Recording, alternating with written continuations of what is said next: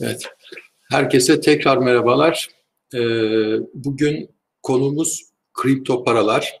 Daha doğrusu bu kripto para borsaları olarak e, faaliyet gösteren firmaların birer birer işte sorumlu olarak çıkmasıyla birlikte belli mağduriyetlerin oluşması nedeniyle e, gündeme bu konu bir hayli oturdu. Biz de e, hukuk gündemini işgal eden bu konuda e, fikirlerimizi paylaşmak istedik. Bugün aslında konunun iki tarafını inceleyeceğiz. Birincisi bir kripto varlık, kripto para nedir? Yani şu an yaşadığımız şey ne?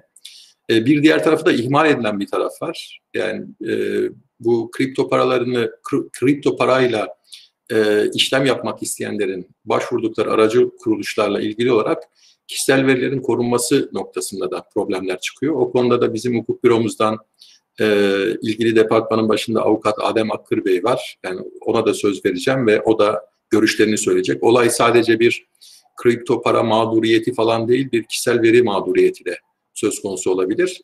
E, yöntem itibariyle de e, bize bu süreç içerisinde en çok ulaşan e, sorulardan yola çıkarak o soru başlıkları altında e, bazı açıklamalarda bulunacağım.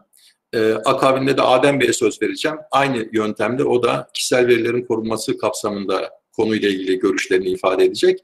Ardından da chat e, penceresinden bize gelen soruları teker teker yanıt, yanıtlayacağız. Yani süreç içerisinde birebir o sor, sorulara yanıt verme şansımız olmayacak. Takip etmek biraz zor olduğu için. E, canlı yayın deneyimimiz de bizim sınırlı. E, avukatlar çok teknolojiyle barışık değiller. Yani o, o noktada da biz de işte öğrenmeye çalışıyoruz. Ee, ama e, moderatör olan arkadaşlarımız o soruları not alacaklar ve hemen hemen hiçbirini kaçırmamaya çalışıp bütün soruların yanıtlarını da vermeye çalışacağız. Evet, şimdi e, bu yakın zamanda bir kripto para mağduriyeti ortaya çıktı. E, gelen en sık gelen, temelde en sık gelen soru e, mağdurlar ne yapmalı, nereye başvurmalı? Bununla ilgili üç tane yol var temelde arkadaşlar. Birçok şey düşünülebilir ama üç tane yol var. Öncelikle bu kripto para, para borsası adı altında faaliyet gösteren şirketlerin yöneticilerinin ortadan da kaybolduklarını düşünürsek, basında çıkan e, bilgilere falan bakarsak, yani burada aslında bir kötü niyetli bir suç niyetiyle de hareket edildiğini söyleyebiliyoruz bazı olaylar itibariyle özellikle. E, dolayısıyla o, ortada bir suç olduğunu düşündüğünüz her durumda savcılıklara başvurmanızı tavsiye ederiz. Yani savcılıklar bu e, yapılan suç duyurularını e, dikkate alacaklardır. Hali hazırda zaten yürüyen soruşturma dosyaları var. Bu yürüyen soruşturma dosyaları kapsamına dahil edip yürütebilirler veya sizin yaptığınız başvuru yeni bir başvuru e, ise şayet yeni bir soruşturma dosyası e, açıp e, gerekli incelemeleri yapacaklardır. Ancak savcılığa yaptığınız suç duyurusu bir e, e, ceza hukuku müessesesi e, netice itibariyle. Elbette burada alınabilecek bir müsaade kararıyla e, bu ele geçirilebilecek e, varlıklar, e, değerler bir tarafa konup e, sonrasında mağduriyetlerin giderilmesine de belki kullanılacak ama e, esas itibariyle her koyun kendi bacağından asılır e, düşüncesiyle e, o pencereden bakacak olursak e, biz herkesin ayrıca bir de hukuki yollara yani cezai yollar dışında hukuki yollara da başvurmalarını e, tavsiye ederiz. Bu yönde de durumun özelliğine göre doğrudan icra takibi yapmak veyahut bir hukuk mahkemesinde alacak davası veya tazminat davası açmak yine durumun özelliğine göre bunlar mümkün. E, dolayısıyla e, bir de hukuk yoluna başvurmalarını öneriyoruz.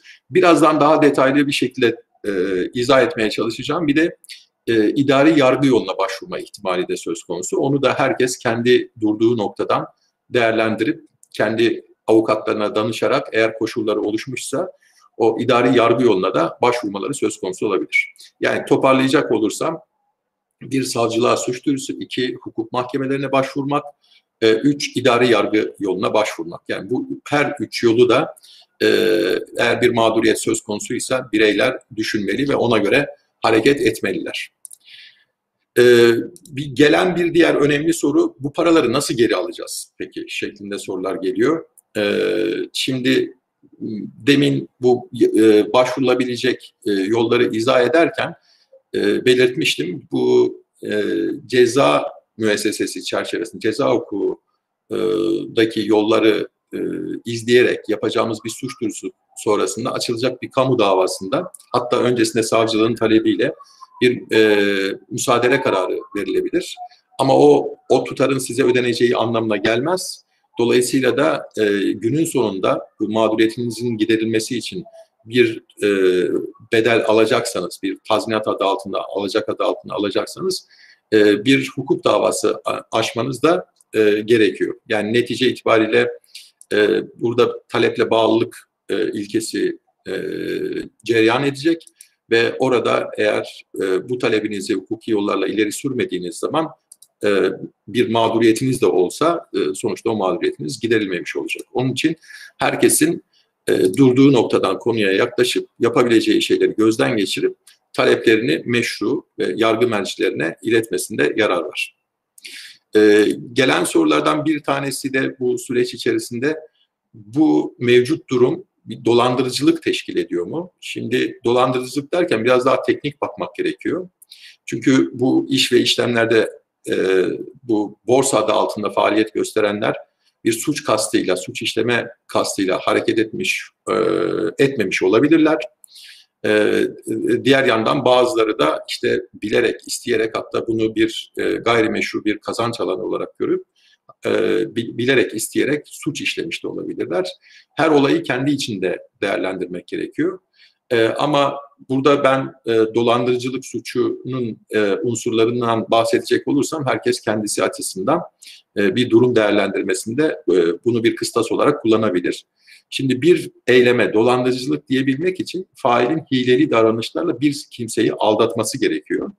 Ve mağdurun veya başkasının zararına olarak kendisine veya başkasına yarar sağlamış olması gerekiyor. E, suçun nitelikli halinde de e, bu yani ağırlaştırılmış bir cezayı gerektiren e, halinde de işte e, dini, sosyal, mesleki ve bazen teknolojik araçlar kullanılarak bir dolandırıcılık eylemi söz konusuysa burada da suçun nitelikli halinden bahsetmek mümkün olabiliyor. Şimdi kripto varlıklarla ilgili e, konuya yaklaştığımızda evet yani sonuçta dijital bir e, dağıtık defter teknolojisi kullanan bir şey var, e, e, teknoloji var ve bunu genelde web üzerinden e, insanlar e, bu ilişkileri kuruyorlar. Bu aracılık, sözlü aracılık e, hizmetini web üzerinden veriyorlar. Teknoloji kullanımı e, söz konusu olduğu için bir de oradaki beyanlarına da e, dikkat etmek gerekecek tabii. Web'de ne yazıyorlar, birebir ilişkilerde e, neleri ifade ediyorlar. E, bunlara bağlı olarak suçun nitelikli halinin de var olduğunu söyleyebiliriz. Bir e, sonra da en sık gelen sorulardan bir diğeri de arkadaşlar bir kripto para borsası mağdurları için bir devlet garantisi olup olmadığı noktasında maalesef bir devlet garantisi yok. Bunu söylerken e, mevcut mevzuat yani yürürlükteki mevzuat açısından e, söylüyorum elbette. Çünkü siz sonuçta bir devlet garantisi olduğunu düşündüğünüzde ne yaparsınız? İdari yollarla gider, devletin ilgili makamına başvurursunuz, mağduriyetinizin giderilmesini istersiniz. Ama e, mevzuatta e, tanımlanmış böyle bir garanti söz konusu olmadığı için e, burada kalkıp bir devlet garantisi varlığından e, söz edemeyiz. E, ama mesela geçmişte şöyle bir durum söz konusu olmuştu. Yaşı müsait olan arkadaşlar hatırlayacaklardır. Yani e, daha genç olan arkadaşlar da belki literatürü takip ediyorlarsa e, bunu göreceklerdir. Geçmişte e, bu 2000'li yılların başında bir 2001 krizimiz vardı bizim ve çok sayıda bankaya el kondu. Sonraki yıllarda da peyderpey sayısı azalarak belli bankalara el koyulması söz konusu oldu. Bunlardan bir tanesi de İmar Bankası olayıydı. Yalnız İmar Bankası'nda diğer bankalardan farklı olarak hani karşılıkların yetersizliği vesaire dışında bir özel durum daha vardı. O da İmar Bankası birçok kişiye Türkiye'de faaliyet gösteren bir banka olduğu halde offshore hesaplar açmıştı. E, o dönemki olaylara baktığımda da ben e, hatırladığım kadarıyla bir kısım insan bilerek isteyerek bu offshore hesapların açılmasını başvurmuşlardı. Yani banka üzerinden bu hesaplar açmışlardı. Bazı insanlar ise işte ne bileyim İmar Bankası'nın Mecidiyeköy şubesinde hesap açtığını varsayıyor. Kendisine bir hesap cüzdanı veriliyor ama aslında gerçekte hesabı e, bir e, offshore alanda e, açılmış. O offshore hukuk alanında e, doğmuş bir e, hesap olarak açılıyordu. E, bu mağduriyetten e, yola çıkan o dönemde pek çok vatandaş oldu ve o dönemde idare mahkemeleri güzel kararlar verdiler. Dediler ki yani sonuçta tabelasında banka yazan ve e, niyet itibariyle de offshore hesap açma niyetiyle başvurmamış bir kişiye e, onun iradesini bir nevi fesada uğratarak yani e, böyle hileli hareketlerle e, e, offshore hesap açılması halinde mev, devletin bankalara bankalardaki mevduata tanıdığı garantinin yokluğundan söz etmek doğru olmaz ve idarenin burada bir hizmet kusuru vardır. Bu hizmet kusurunun gereği olarak da idarenin e, bu zararları gidermesi gerekir. En azından işte mevduata tanınan garantiler ölçüsünde e, gidermesi gerekir diye. Ben e, yakın tarihimizde yaşadığımız bu olayın aslında bir örnek olabileceğini, emsal olabileceğini düşünüyorum. E, bu e, yakın zamanda yaşadığımız olaylarda da şöyle bir durum söz konusu. Sonuçta kendisine borsa diyen ve işte webde veya işte fiziksel alanda da tabelasını asan e, ve bu şekilde faaliyet gösteren çok sayıda firma oldu e, o firmalar sonuçta sonuçta vatandaşın zihninde yanıltıcı bir e, sonuca da neden oluyorlar. Yani siz borsa dediğinizde borsanın birazdan daha detaylı üzerinde duracağız belki. E, bir teknik bir içeriği var. Yani sizin hemen zihninizde de oluşan e, farklı şeyler var. Yani borsa deyince siz bir BIST gibi e, İstanbul borsası gibi de düşünebilirsiniz netice itibariyle. E, buna izin veren bu faaliyeti yasaklamasa da işte lisansa bağlamayan da kamu netice itibariyle. E, dolayısıyla kamunun da burada bir hizmet kusuru olduğunu, yani bu mağduriyetler oluşmaya başlarken e, çok da uyarıcı olmadığını e, söyleyebiliriz. Yani bir hizmet kusuru da varsa, bir kusur sorumluluğu gereği idare hukuku e, çerçevesinde idarenin bu zararları, mağdurların zararlarını da gidermesi gerekir. Dolayısıyla bu seçeneğin ciddi ciddi ciddi düşünülüp e, e, koşulları olduğuna e, kanaat getirilen noktalarda idari yargı yoluna başvurulması söz konusu olabilir. E, yakın tarihte biliyorsunuz e, bu alanda hiç şey yoktu. Yani, Türk hukukunda hiçbir düzenleme yoktu. Ama 16 Nisan e, 2021 tarihinde Merkez Bankası bir yönetmelik yayınladı. Bu yönetmelikte yönetmeliğin adı da ödemelerde kripto varlıkların kullanılmamasına dair yönetmelikti. Ve burada temelde aslında iki tane şey düzenlenmiş oldu. Hiç düzenleme e, yok diyemeyiz artık. İki tane temel noktada düzenleme getirildi. E, bir tanesi kripto varlığın Türk hukuku açısından nasıl nitelendiği e, ortaya konmuş oldu net bir şekilde. Çünkü yargısal bazı kararlar vardı. İlk derece mahkemelerin verdiği bazı kararlar vardı. Mesela bir karar hatırlıyorum. Menkul kıymet olarak e, niteliyordu e, kripto varlıkları. E, ama Merkez Bankası gayrimaddi varlıktır dedi. Benim açımdan bu e, o yönetmelikte benim açımdan gayrimaddi varlıktır e, kripto varlık e, dedi. Şimdi gayrimaddi varlıkta bu uluslararası literatürde intangible olarak nitelenen e, e, bir durum ve bizim vergi mevzuatı itibariyle de aslında bayağı e, tartışmaların olduğu yani dikkatle hareket edilmesi gereken e, bir alan olduğunu biliyoruz. Bu hususta bir OECD'nin getirdiği bazı tanımlar var. Yani gayrimaddi varlıklar nelerdir e, noktasında.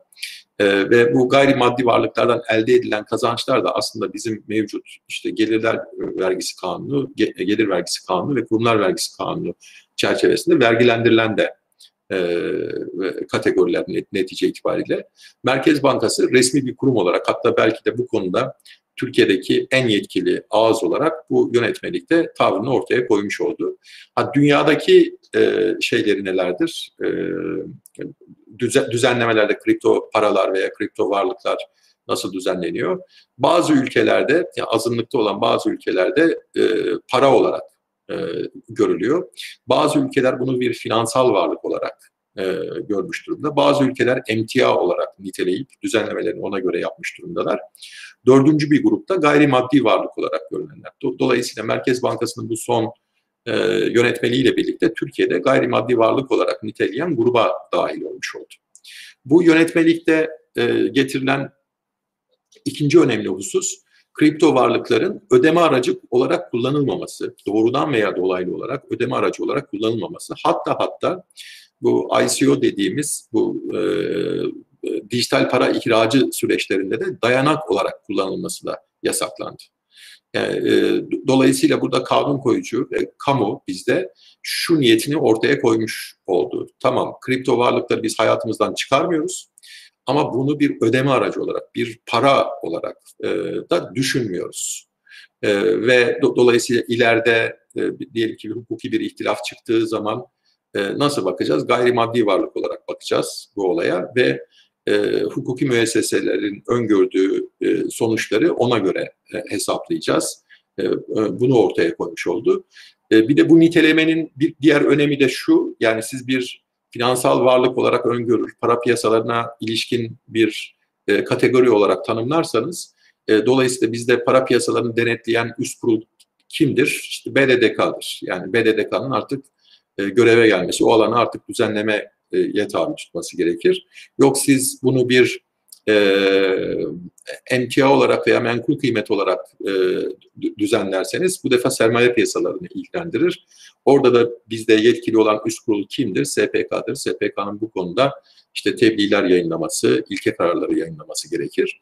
Ama bizim Merkez Bankası farklı bir yol izledi ve gayrimaddi varlık olarak nitelendirdi. Artık önümüzdeki dönemde uygulamada buna göre şekillenecek e, peyderpey yap, yapılacağı söylenen e, bazı düzenlemeler var. Bu düzenlemeler de e, bu çerçevede olacaktır. Çünkü Merkez Bankası'nda bu hususta kimseye danışmadan kendi başına hatta böyle keyfi falan bir karar aldığında zannetmiyorum. Yani, yani uzun tartışmalar sonucunda e, bizim ülkemize en uygun e, nitelemenin bu olduğu e, sonucuna varmış olduklarını e, düşünüyorum. Biz artık kripto varlıkları dolayısıyla gayrimaddi varlık olarak e, göreceğiz. Bu peki yönetmelikte bir ödeme e, bir ödeme aracı olarak kullanma yasağı getirildi.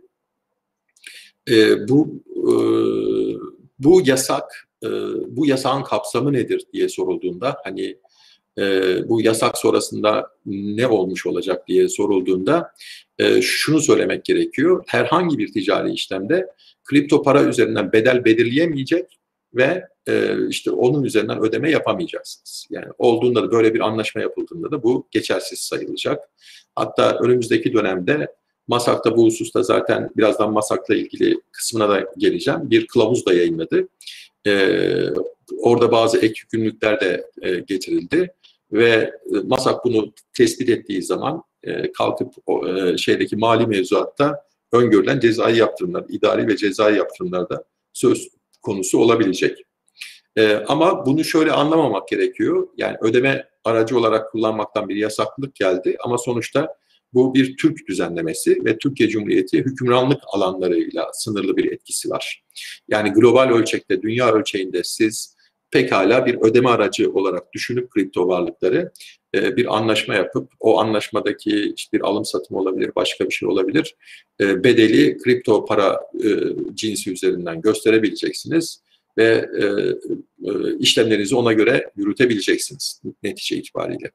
Bir diğer yasak da şuydu, yani geçmişte bu altcoin'ler falan oluyor biliyorsunuz. Veya sanal para dediğimiz, yani bu artık bitcoin veya diğer kripto paralar e, olarak nitelenmeyecek ama yani bunun token adı altında veya işte hatta bazı bankalar e, ve ödeme ara, aracılığı yapan kuruluşların e, çeşitli isimlerle e, para olarak arz ettikleri, dijital para olarak arz ettikleri ki, ki bunlar kripto e, para değiller aslında.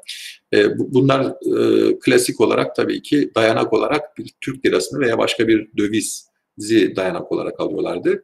Ama dünyadaki uygulamalarda kripto paraların da dayanak olarak alındığı e, durumlar, örnekler vardı. Şimdi bu Merkez Bankası'nın son yönetmeliği ile bu dijital paralarla ilgili, sanal paralarla ilgili olarak kri, kripto varlıklar bir dayanak olarak da kullanılamayacak. Yani bu yasağın hani bir diğer tarafı da bu. Ama yine belirtiyorum, Türkiye Cumhuriyeti hükümranlık sınırları içerisinde e, uygulanacak olan bir yasak bu netice itibariyle e, şeydeki hukuk uygulamasında bu nasıl ele alınacak e, yönünde sorular geliyordu bize sık sık.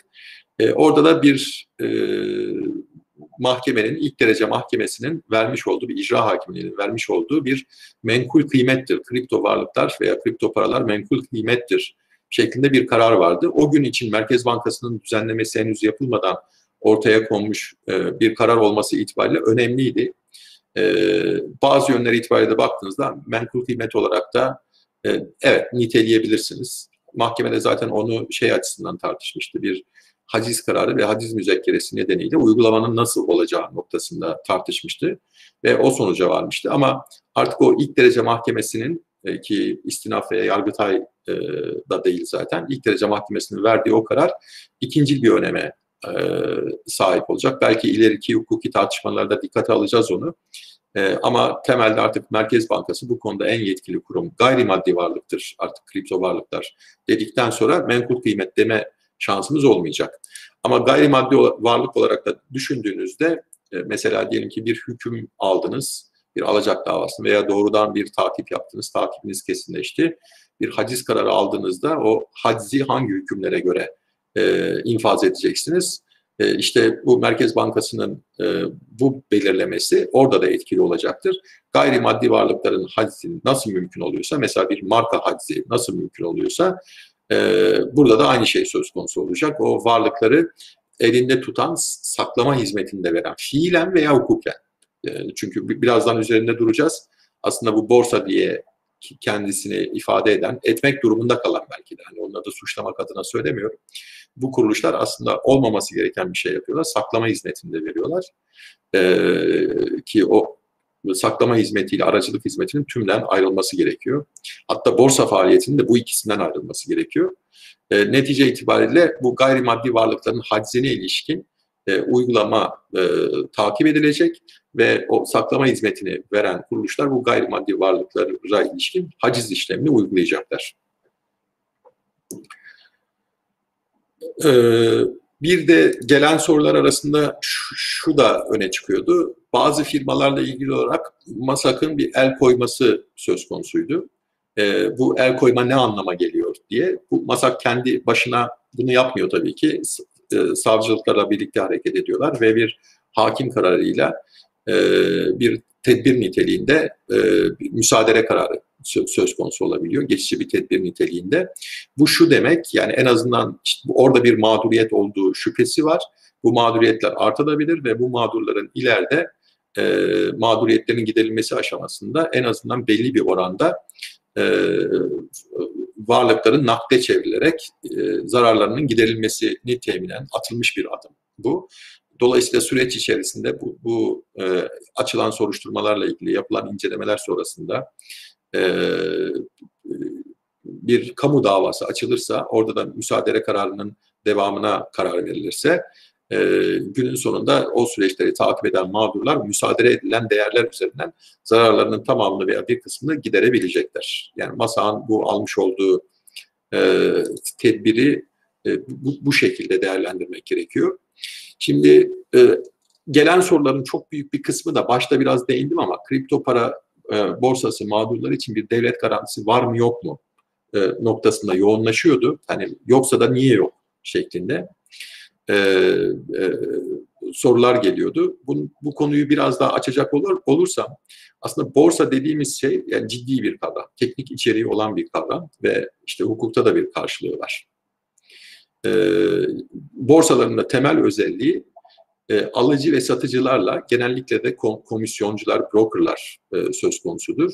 E, e, burada aracı olarak e, bu brokerlar aracılığıyla işlem yapılan alanlardır. Bu komisyoncular da saklama hizmeti vermezler. Vermemeleri gerekir zaten. Dünyadaki evrensel uygulama da bu, bu şekildedir.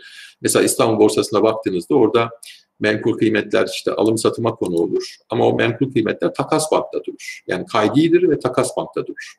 İstanbul Menkul Kıymetler Borsası'nın herhangi bir kaydında veya işte fiziken e, bir yerde falan tutulmaz netice itibariyle. E, genelde borsalarda alınıp satılan menkul kıymetler bir saklama kuruluşunda e, yer alır ve bizim ülkemizde de mesela Takas Bank bu şeyi veriyor, zaten hizmeti veriyor. Bizim bugün tartıştığımız kendine borsa diyen kripto varlık ticareti yapan E, kuruluşlar ise aslında aracılık yaptıklarını söylemekle birlikte e, bunun da ötesinde yani aracılığın da ötesine geçip saklama hizmetini de veriyorlar. Hatta benim gördüğüm örneklere baktığımızda aslında doğrudan burada aracılık da çoğu durumda söz konusu değil. E, bu kripto varlıklara da yatırımı olan e, kimselerden bu kripto varlıklarını satın alıp ve onlara satarak işlem yapıyorlar. Yani doğrudan aslında kendi nam ve hesaplarına işlem yapıyorlar. Birçok durumda da gördüğümüz o. Yani birçok durumda aracılık dahi olmadığını e, veya aracılık dahi olduğunu söyleyemiyoruz.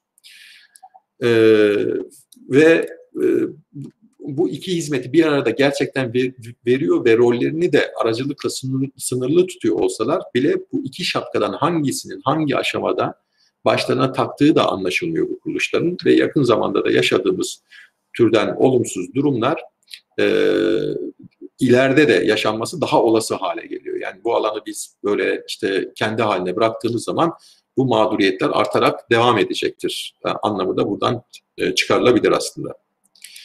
Ve borsaların, yatırımcıların faaliyetleri için güvenli bir ortam yaratması ve düzenli işlem mekanizmasına sahip olması beklenir. Yani bir, bir alana siz borsa diyorsanız e, ve işte güncel fiyatlar üzerinden borsadan beklenen güncel fiyatlara ve gerçek zamanlı alışveriş yapmaya da müsait olması gerekiyor. Yani siz bir işlem yaptığınızda kaçtan sattığınızı, hangi dakika, saat ve dakika hatta saniye itibariyle sattığınızı, hangi fiyatın nasıl oluştuğunu falan da şeffaf bir şekilde izleyebiliyor olmanız lazım. Ama bu gördüğümüz örneklerde bu da söz konusu değil doğal olarak.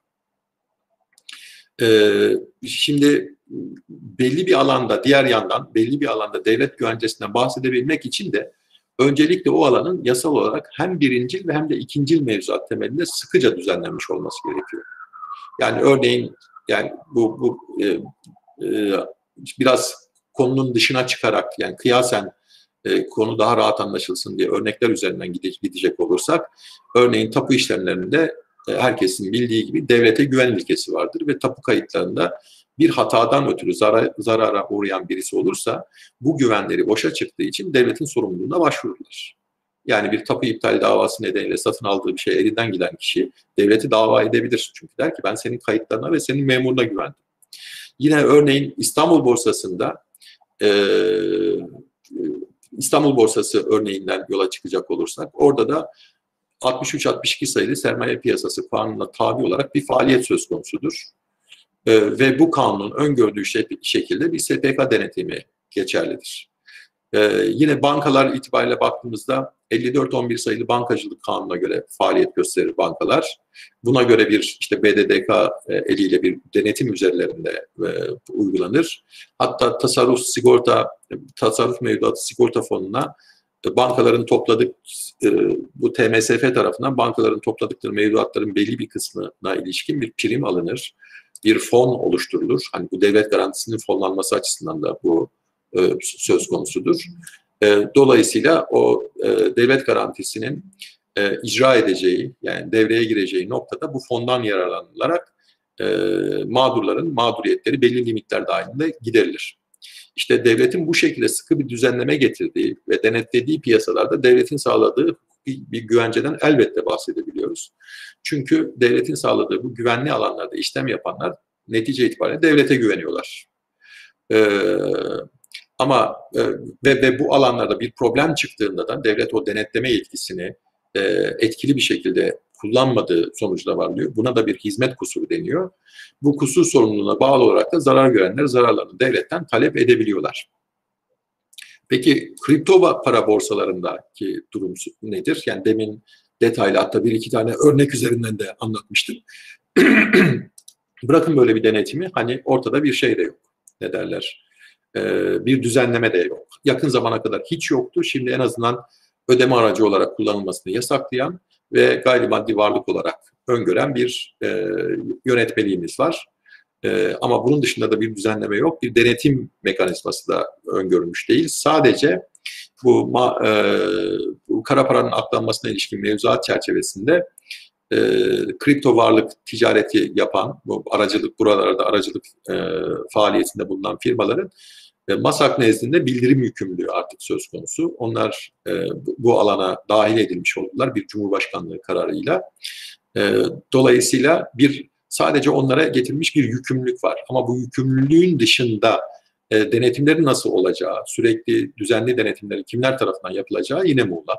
Yani bu alanda yapılacak yeni düzenlemeleri yine beklemek gerekiyor. Bakalım o düzenlemelerde olacak mı?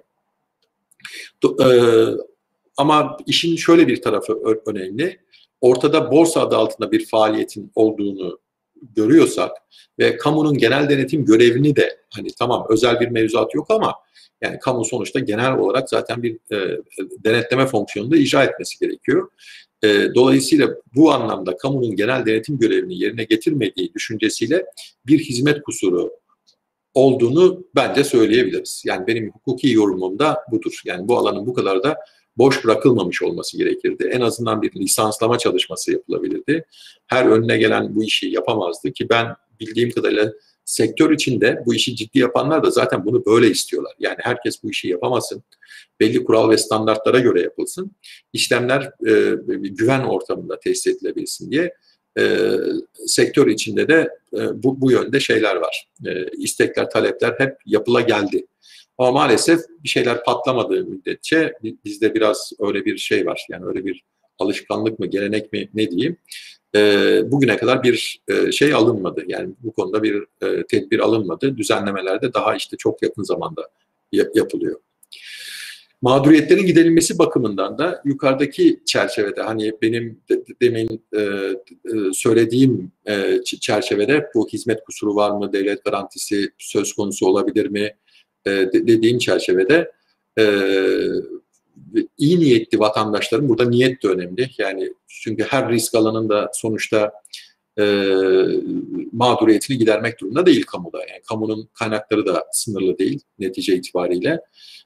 Dolayısıyla iyi niyetli olan vatandaşların hani İmar Bankası örneğinde de verdik. Örneğin işte offshore hesap olduğunu bilmiyor. Burada da devlet güvencesinin hiç olmadığını düşünebilecek durumda olmayan vatandaşların mağduriyetlerinin giderilmesi gerektiğini düşünüyorum.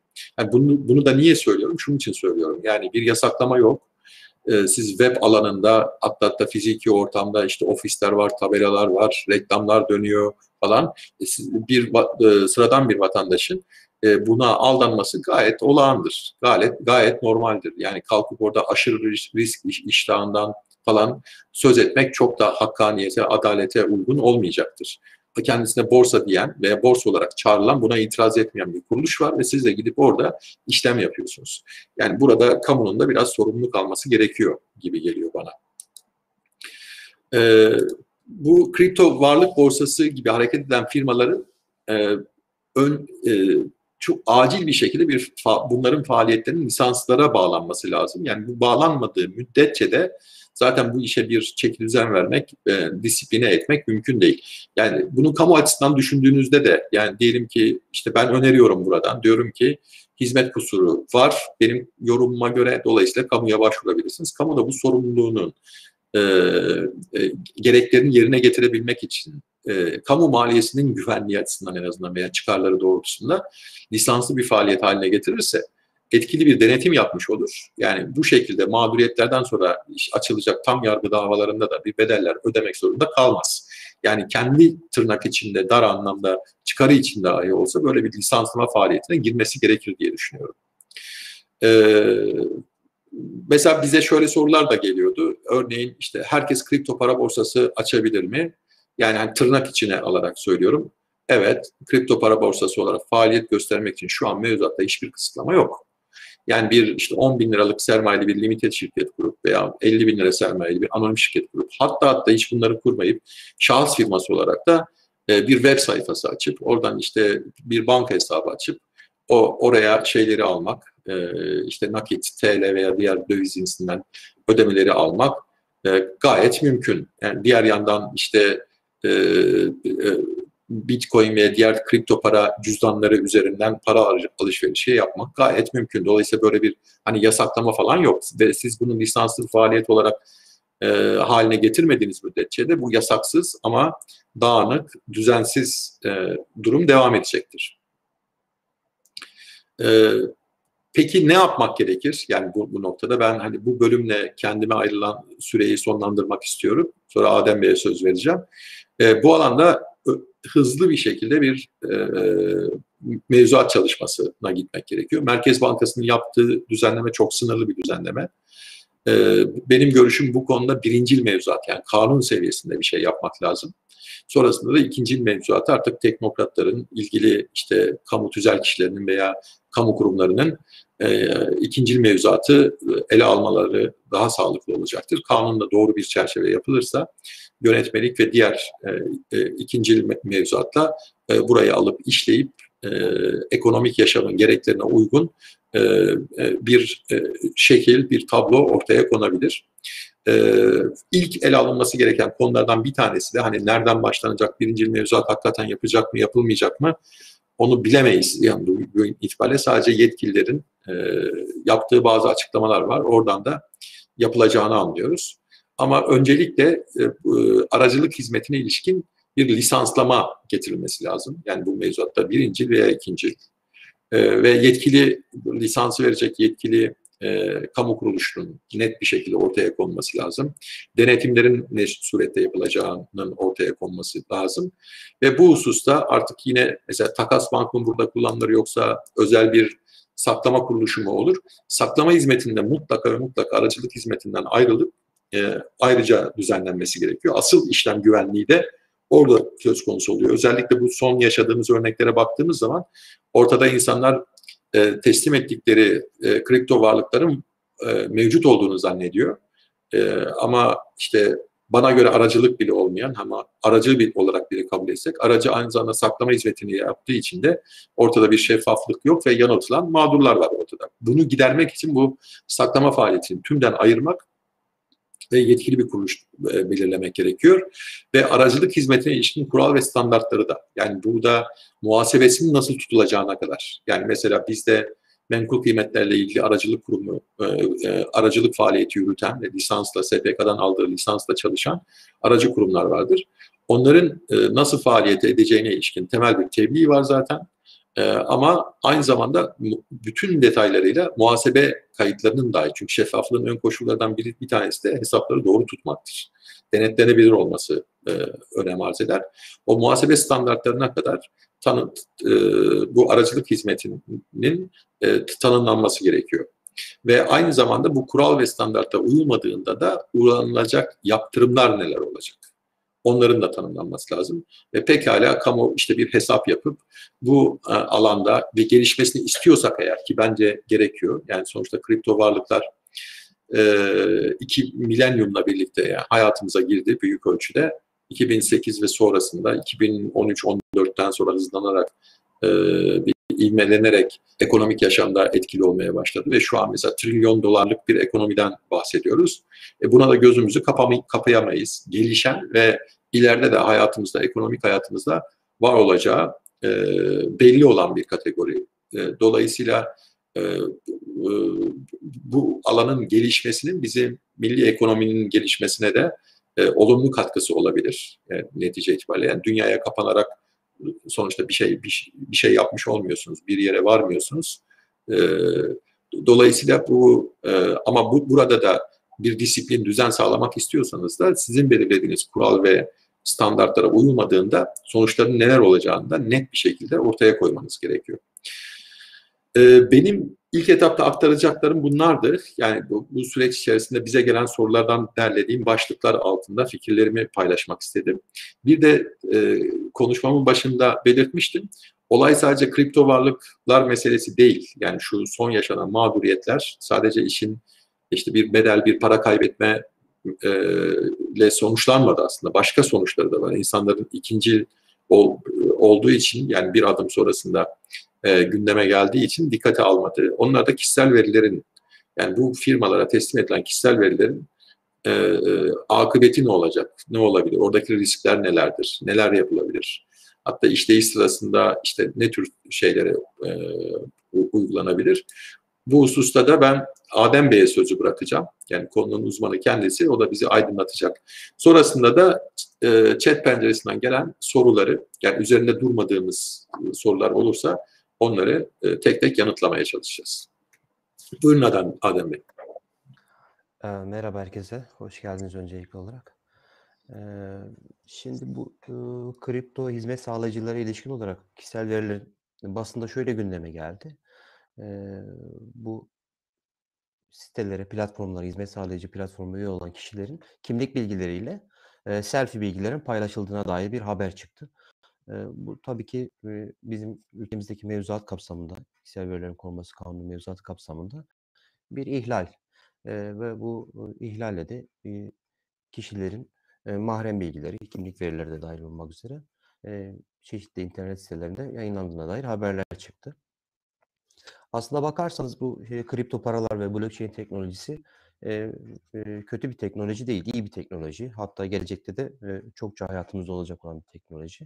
Burada sorun şey değil, hani, eee, ürünün kendisinde değil, eee, bir, eee, piyasada olan bir, eee, buna yönelik olarak bir fiyat artışı ya da, bir talep olduğundan dolayı eee, böyle bir bunu fırsat bilip de faydalanmak isteyenler, eee, hızlıca araç geliştirebiliyorlar. İşte, daha önce Çiftlik Bank vakasında olduğu gibi. Bu kapsamda da, kripto, varlık hizmet sağlayıcı platformlar tüzel kişi verilerini üye üyeleri olan tüzel kişilerin verilerinin yanında gerçek kişiye ilişkin kişisel veriler de işliyorlar. Ve ağırlıklı olarak kişisel veriler işliyorlar. Çok, eee, en son çıkan MASAK kapsamındaki yönetmelik kapsamında da işte birtakım kimlik tespitlerini de yapmak durumundalar. Eee, neler dersek bu işlenen kişisel verilere ilişkin, eee, baktığımızda, eee, başta kimlik verisi, eee, işte isim, soyisim, vergi kimlik numarası TC kimlik numarası, eee, imza, anne baba adı olmak üzere iletişim verileri işleniyor yine. Finansal bilgileri var. Eee, hukuki işlem bilgisi var. Eee, burada işte, eee, hizmet sağlayıcıların adli makamlarla olan yazışmaları da dâhil olmak üzere artık ileride MASAK ile olan yazışmalar da dâhil olmak üzere bu işlem bilgilerini tutmaları gerekecek ve, eee, hâlihazırda da, eee, hukuki işlem bilgisi tutan, eee, hizmet sağlayıcılar da vardır. İşte bu, eee, Mustafa Bey'in örnek verdiği, eee, kripto varlığa haciz uygulayan icra dairesinin verisi işte bir hukuki işlem bilgisidir aslında o üye açısından. Eee, yine işlem güvenliğine ilişkin veriler, eee, eee, kişisel verilerdendir. Müşteri işlem bilgisi kişisel veriler arasında sayılmaktadır. Görsel ve işitsel kayıtlar, eee, işte bu, ııı, ihlalle ortaya çıkan selfie, öz çekim ve, eee, diğer, eee, sesli ve sesli olmayan video görüntüsü gibi. Pazarlama verileri var, lokasyon verileri var. En son eş eee, eklenecek olan, şu anda hâlihazırda, eee, işlenmiyorsa bile artık bundan sonra işlemek durumundalar. İşlem bilgileri çünkü, eee, bu işlem bilgileri, şüpheli işlem bilgilerini MASAK'a bildirmek durumundalar. Eee, ve diğer dediğimiz meslek bilgileri, eee, kaydolunan meslek odasına ilişkin sicil bilgileri gibi kişisel verileri, yo ağırlıklı olarak işliyorlar bu, eee, hizmet sağlayıcılar. Eee, amaçları ne burada bu hizmet sağlayıcıların bu kişisel verileri işlemede? Sözleşmenin ifası kapsamında bunu işleyebiliyorlar. Eee, ürün ve hizmetin tanıtım ve bilgilendirmesi kapsamında, işte mail marketing dediğimiz, eee, ürünlerin tanıtımına yönelik olarak bize gelen SMS ve e-mail bilgileri. Kanun gereği, eee, işte son çıkan mevzuat MASAK kapsamında kara paranın aklanması ile ilgili mevzuat kapsamında bir işleme yapmak durumunda. Eee, yine T51 sayılı, eee, internet, i internete ilişkin eee, düzenlemenin yer aldığı kanun kapsamında trafik verisini de işlemek durumunda. Eee, müşteri ilişkilerinin, eee, ilişkin bir yürütüm amacıyla bu kişisel verileri işlemek durumunda ve yine, eee, hukuki yükümlülük kapsamında bu kişisel verileri işleyebiliyor bu hizmet sağlayıcılar. Bu verileri hizmet sağlayıcılar işleme faaliyeti kapsamında yurt içinde ve yurt dışında da aktarıldığı, eee, görülüyor siteleri incelediğinde. Eee, daha çok, eee, hizmet aldıkları kuruluş ve tedarikçiler var, iş ortakları var. Eee, bunlara bu veriler aktarılabiliyor. Eee, işte müşteri hizmetlerini başka bir firmadan alıyorlarsa, eee, kişiye ilişkin kişisel verileri bu işme müşteri hizmetleri firmalarına aktarabiliyorlar. Bankalara aktarabiliyorlar. Yine resmî kurumlarla bu kişisel verileri paylaşmak durumundalar. Yurt dışında da, eee, genelde bu internet sitelerinin altyapıları ve servis sağlayıcıları yurt dışında olduğu için bu verileri, eee, yurt dışında barındırmak durumunda kalıyorlar. Peki bu kişisel verileri işlerken, eee, hangi şartlar dâhilinde kanuna uyarınca, yani kişisel verilerin korunması kanununa uyarınca hangi şartlar dâhilinde işlemeleri gerekiyor? Her şeyden önce bu kişisel veri işlemi faaliyetine ilişkin olarak, eee, ilgili kişi dediğimiz gerçek kişiyi, eee, aydınlatması gerekiyor, eee, veri sorumlusu dediğimiz, eee, hizmet sağlayıcıların. burada e, bu hizmet sağlayıcısı veri sorumlusu veya yetkilendirdiği kişinin e, bilgisi olacak bu aydınlatma beyanda. Yine bu veri sorumlusunun varsa temsilcisinin bir, e, bilgileri bulunmak zorunda. İşleme amaçlarından bahsetmiştim. Bu işleme amacı e, yer almak durumunda. Ve yine aktarıldığı yerlere ilişkin aydınlatma beyanında bu bilgilere yer verilmek durumunda. E, bu kişisel veriler hangi yöntemle toplanıyor? Telefonla mı, e, internet sitesi üzerinden mi e, ya da basılı form üzerinden mi? E, bu toplamanın yöntemi de belirtilmek durumunda. E, bu işleme, kişisel verilerin işlenmesine ilişkin olarak da aynı zamanda e, kanunda belirtilen hukuki sebebi de belirtmek durumundasınız. E, yani işte açık rıza dahilinde mi istiyorsunuz ya da istisna kapsamında mı istiyorsunuz? Açık rızanın istisnası kapsamında mı istiyorsunuz? E, bunu da belirtmek durumundasınız. Bir de e, bu verisi işlenen ilgili kişilerin e, tabii ki o, e, kanunun 11. maddesinde sayılan haklarının e, aydınlatma metninde sayılması gerekiyor. E, ana kural e, bir kişiye ilişkin kişisel verilerin işlemesi ancak açık rıza şartına bağlı. Fakat bu, bu açık rızanın istisnai hallerde e, tabii ki mümkün. E, işte kanunlarda açıkça öngörülmesi örneğin bir açık rızaya ilişkin istisnai hallerden birisi. E, işte son çıkan e, yönetmelik uyarınca Maslak'ta e, verdiği yükümlülük çerçevesinde artık kimlik tespiti yapmak durumunda bu hizmet sağlayıcılar. Dolayısıyla e, bu kanunlarda açıkça öngörülmesi istisnası hallerinden birine e, e, olarak örnek verebiliriz buna. Ya da bir sözleşme kurulması ve ifasıyla doğrudan ilgili olması. İşte üyelik alırken e, bu hizmet sağlayıcılar platformlara üyelik alırken e, ad soyad, e-mail bilgisi e, ya da işte ödeme yapılacaksa banka bilgisi, e, sözleşme kurulması ve bunun ifası kapsamında işlenen kişisel veriler arasında sayabiliriz. E, istisnanın tamamını saymayacağım e, zaman almamak adına. E, bir de veri sorumlusunun olarak bu hizmet sağlayıcıların yükümlülükleri nelerdir dersek, işte bu işlenen kişisel verilerin hukuk ayrı olarak işlenmesini önlemek durumundalar. E, işte örneğin yurt dışına aktarım var. Yurt dışına aktarım için e, şu anda güvenli ülkeler ilan edilmiş değil.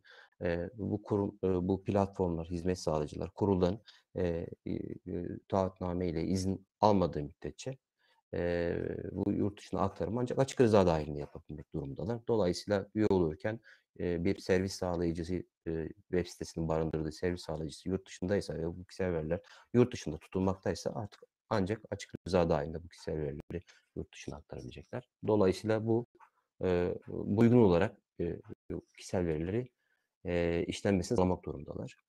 Yine kişisel verilere hukuk aykırı olarak erişilmesini dinlemek durumdalar. E, e, yine basından takip ettiğimiz üzere çokça siber saldırı oluyor bu tip e, kripto varlık barındıran hizmet sağlayıcılara. E, bu anlamda da e, teknik tedbirleri e, şey hizmet sağlayıcı platformun alması gerekiyor.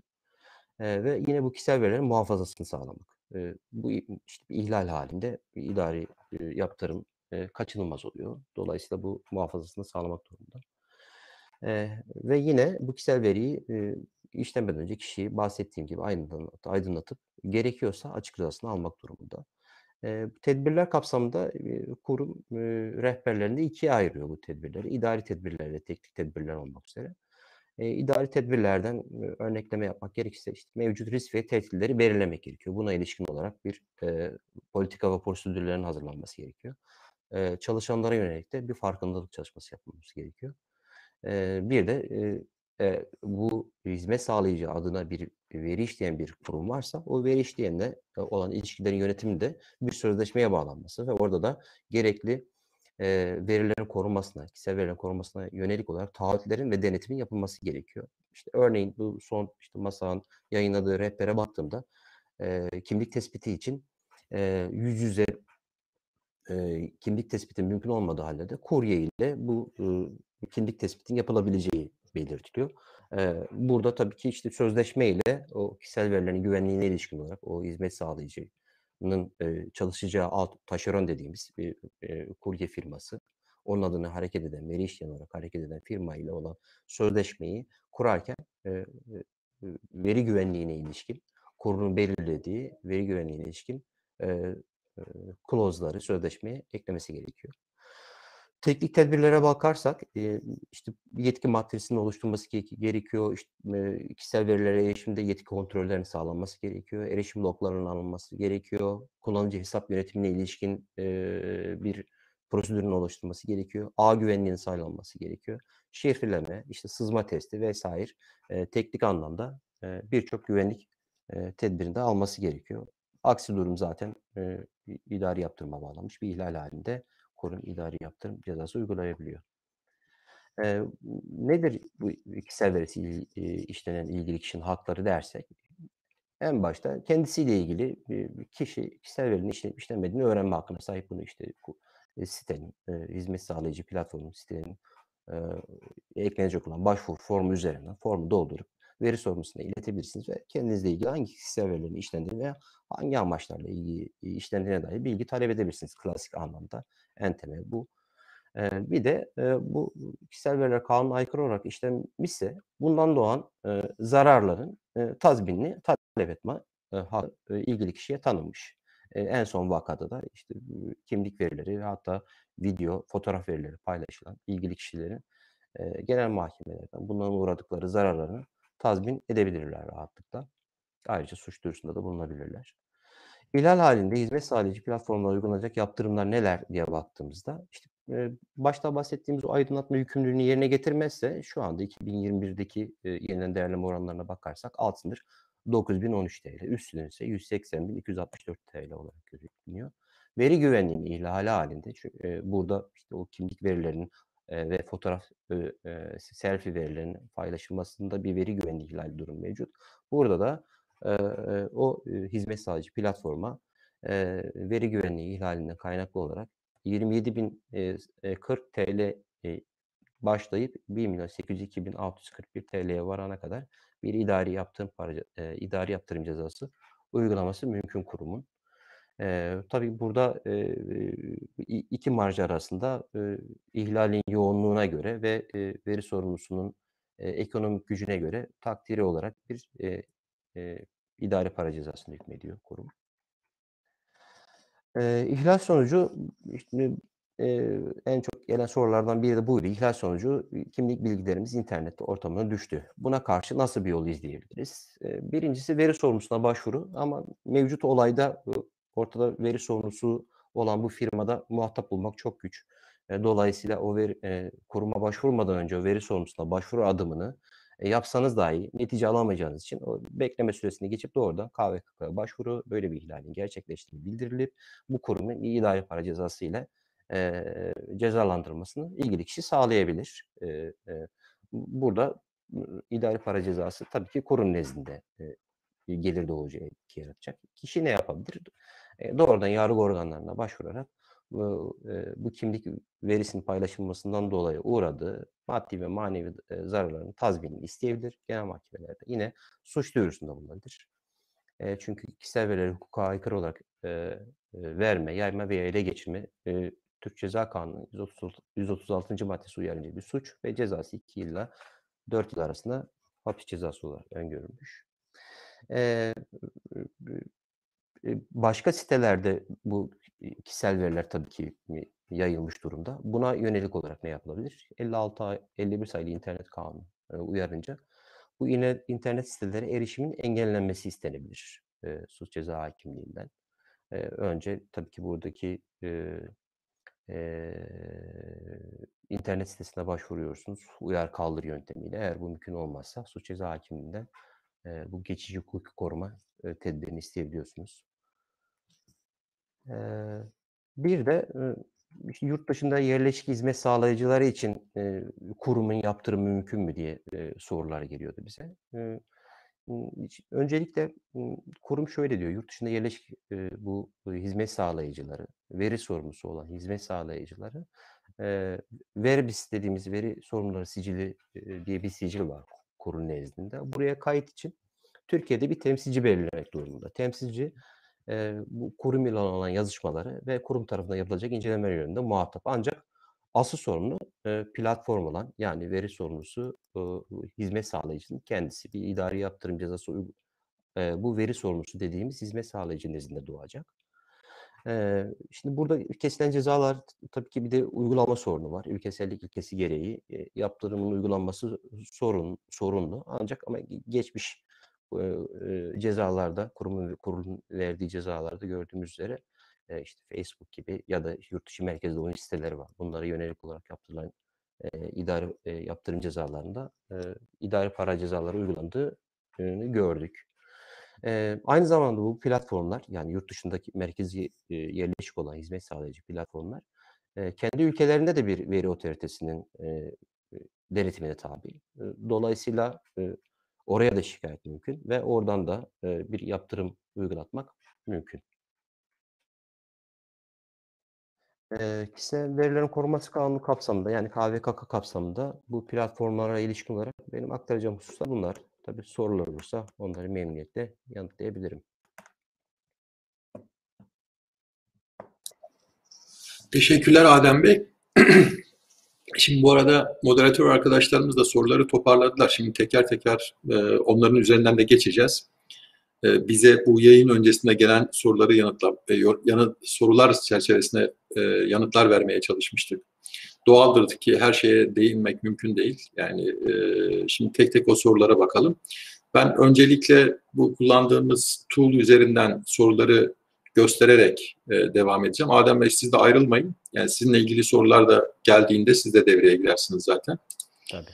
Ee, ilk soru kripto paralar borçlar kanununa göre sebepsiz zenginleşme olarak yorumlanmaz mı? Şimdi e, evet yorumlanabilir ama yani e, illa sebepsiz zenginleşme olarak e, hakkınızı aramanızı aslında çok da tavsiye etmem. Şundan etmem. Çünkü ortada eğer bir suç varsa özellikle yani suç duyurusuna konu edebileceğiniz bir şey varsa e, o zaman bir haksız fiil de vardır. Dolayısıyla burada daha isabetli olan haksız fiil sorumluluğuna e, dayanarak alacağınızı e, talep etmek. Sebepsiz zenginleşme bizim hukuk fakültesinde okurken hocalarımızın söylediği bir şeydi. Yani bir haksızlık söz konusuysa evet her halükarda sebepsiz zenginleşmeye gidebilirsiniz ama sebepsiz zenginleşmeden önce gidilecek müesseseler varsa öncelikle onları denemek gerekir. Çünkü her bir müessesenin kendi doğası gereği öngördüğü bazı tedbirler de var. Ee, yani mesela neyi kastediyorum? Örneğin haksız fiil sorumluluğuna gittiğinizde orada kişilerin şahsi sorumluluğu vardır ve sınırsızdır o sorumluluk. Ama sebepsiz zenginleşmeye gittiğinizde orada biliyorsunuz bu e, bizim meşhur e, tazminat hukukuna e, şey olan, hakim olan işte tazminat borçlusunun fakirleşmemesi, tazminat alacaklısında zenginleşmemesi gibi bir takdiri bir limite takılırsınız. O yüzden benim burada önerim daha çok haksız fiil sorumluluğuna gitmek. Hani idari yargıya gidecek, tam yargı davası açacak olanlar itibariyle de orada davalı tabii idare olacak. Orada da e, hizmet kusurundan yola çıkıp e, bir idarenin sorumluluğunu e, gündeme getirmek bana daha mantıklı geliyor. Ama sebepsiz zenginleşme teşkil etmez mi? Eder. Ama diğer müesseselere dayanmak daha avantajlı gibi geliyor bana. Yine bir diğer soru Yusuf Yiğit Arslan'dan idarenin hizmet kusuru bulunduğuna dair idare mahkemesi kararlarının karar numarası paylaşmanız mümkün mü? Şu an e, üzülerek söyleyeyim e, elimin altında hazır yok. Keşke aslında hazır etseydim. Paylaşırdık ama eski tarihli kararlara bakıp e, bilare e, bir, e, sosyal medya üzerinden de paylaşmaya çalışırız bunları. Bir diğer soru para basma yetkisi tüm dünyada yasalar işle merkez bankalarına verilmiş olduğuna göre özel kişi veya kurumların dijital olarak biz para üretiyoruz demeleri ne kadar doğru? Bunların dolaşım aracı olarak kabul edilmesinin yasası olmadığına göre denmiş. Evet tartışabiliriz. Zaten bu tartışmada var. Yani yapılan e, e, bu yönde tartışmalar da var. Ama diğer yandan e, bu e, kripto paraların hani e, ilk ortaya çıktığı dönem itibariyle e, kamuyu eleşt, e, kamuya yöneltilen bir eleştiri üzerinden de aslında e, kripto varlıkların e, hayata geçirilmesi söz konusu. O da şu, yani e, merkez bankaları basıyor bunu ama bazen e, politikacıların aslında yanlış olan, e, bazen sorumsuzluk, bazen keyfilik dolu e, eylemleri sonrasında da siz para bastığınızda ki biliyorsunuz 70'li yılların ortasından itibaren de artık karşılık gözeterek de para basılmıyor. e, bir karşılığı olmaksızın da e, para basmak mümkün. İşte bu e, e, siyasetçilerin yerinde olmayan politikalar nedeniyle para bastığınızda da aslında maliyeti vatandaşın oluyor. Yani kripto varlıkların ortaya çıkışı itibariyle buna bir eleştiri olarak çıkmış durumda ve dolayısıyla da e, yani felsefik açıdan baktığınızda e, o da böyle bir haklılık e, zeminine oturuyor. E, evet tartışabiliriz. E, şey bir Merkez Bankası regüle bir e, kurumun bunu basmaması işte hukuken nasıl değerlendirilebilir? Benim kişisel görüşüm e, bunda bir sakınca olmadığı yönünde. Yani e, yani teorik olarak düşündüğünüzde evet öyle bir varlık var, öyle bir kategori var ve siz rağbet etmediğinizde, dönüp o tarafa bakmadığınızda zaten gündeme bile gelmiyor. Yani bunu biraz şuna benzetebiliriz. Örneğin çok sayıda TV kanalı var. YouTube üzerinden veya işte e, broadcasting dediğimiz bu e, TV vericileri üzerinden işte yayın yapan çok sayıda kanal var. E, beğenmeyen yani içeriğini sevmeyen gidip bakmıyor netice itibariyle. Dolayısıyla hani buranın da bir cazibesi, bir e, anlamı olmasa insanlar gidip bakmayacaklar. O yüzden ben kategorik olarak açıkçası çok da karşı değilim. Ama tartışmamız gereken ne? O da şu, yani bunu yasal bir e, çerçeveye oturtmadığımız zaman işte bugün yaşadığımız e, sıkıntılar e, doğabiliyor. Yani bu, bu noktada bunlardan kaçınmak adına e, bu alanı regüle etmek, her bir ülkenin kendisi açısından regüle etmesi e, bence elzem, yani ön, önemli. E, bir diğer soru Hüseyin C adlı arkadaşımızdan yönetmeliğe yürürlüğe giren yasakla birlikte kripto parayı tanıdığını ama ödeme aracı olarak kullanmasına yasak geldi. Miras yolu ve kripto paralar hakkında Yargıtay kararı var vardır. Ben o kararı incelemedim ama zaten miras yoluyla bırakılmaması adına bir şey yok. Biliyorsunuz miras müessesesi külli halefiyet esasına dayanır. Yani orada bir değer varsa doğaldır ki mirasçılara bu geçecektir. Yani mirasın reddi e, yoluna başvurulmadığı müddetçe e, bu da geçmiş olacaktır. Ama bizim mesela ilgilendiğimiz bazı konular itibariyle e, hatırlıyorum. Yani miras bırakanın vefat edip e, e, gittikten sonra mirasçılarının çok sayıda güçlüğü de olabiliyor. Yani o kripto parayı nerede tuttuğu, nerede sakladığına bağlı olarak işte sıcak cüzdan mı, soğuk cüzdan mı, soğuk cüzdan yoksa işte nasıl bu paraya ulaşacak ee, veya işte o soğuk cüzdanın kaybolduğu durumlar olabiliyor veyahut cüzdan fiziken var ama siz kalkıp işte doğru anahtarı giremediğiniz için sonuçta tasarrufta e, bulunamıyorsunuz. Bu tür özel alanlar var. Bunlar da biraz e, kültürle ilgili bir şey. Yani zaman içerisinde e, ekonomik yaşamın içinde daha fazla yer aldığı zaman miras bırakanlar da en azından buna ilişkin tedbirler alabileceklerdir. Ve yine benim hani ilk konuşmam e, esnasında belirttiğim gibi e, en azından kendi ülkemiz açısından bunların e, saklanacağı kurumu da tarif edersek en az miras bırakanlar açısından objektif işte bir mirasçılık belgesini aldıktan sonra başvuracakları bir makam ortaya çıkacaktır. Böyle bir faydası da olacaktır.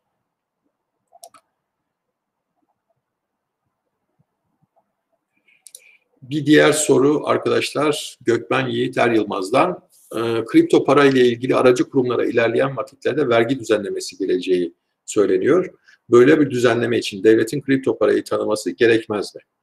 Aslında arkadaşlar devlet kripto parayı tanımazlıktan gelmiyor değil. Hani son e, yapılan düzenleme de onu gösteriyor. Kripto varlıkları yani sadece para değil, para daha dar bir e, şey kategori.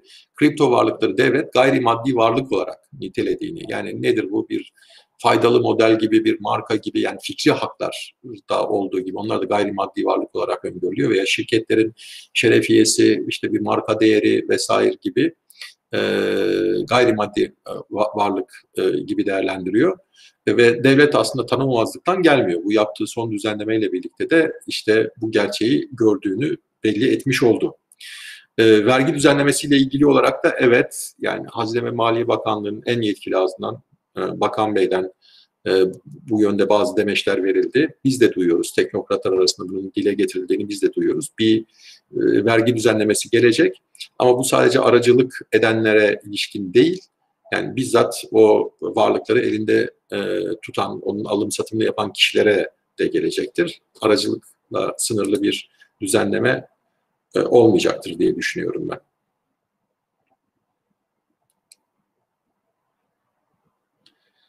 Diğer sorulara bakıyorum.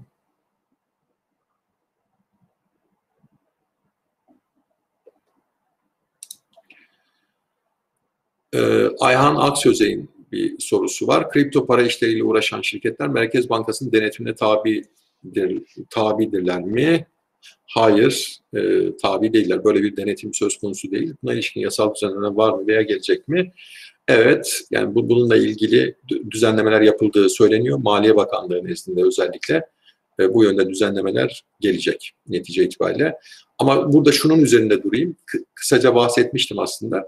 Gayrimaddi varlık dediğinizde bunu bir finansal varlık olarak bir e, para piyasası aracı olarak görmediğiniz zaman üst kurul itibariyle de hangisinin yetkili olacağını da bilmiyoruz. Yani teknik olarak çok dar baktığımızda gayrimaddi varlık dediğimiz için SPK burada yetkili olmayacak. Para piyasası aracı olmadığı için BDDK yetkili olmayacak. Bakalım e, yani saklama tarafı şey olur, yani önem arz ederse BTK'ya böyle bir misyon verilir mi? Yeni bir üst kurul mu kurulacak yani bu, bununla ilgili? E, onları açıkçası şimdi kestirmek çok güç. Yürütülen tartışmalarda yani böyle sektör bazında olmadığı için ki eleştirilerden birisi de oydu. Yapılan düzenlemeler danışılmadan yapılıyor diye. Ee, ama dediğim gibi geniş tartışmalar şeklinde yürümediği için sağlıklı bir şey söylememiz mümkün değil bu aşamada.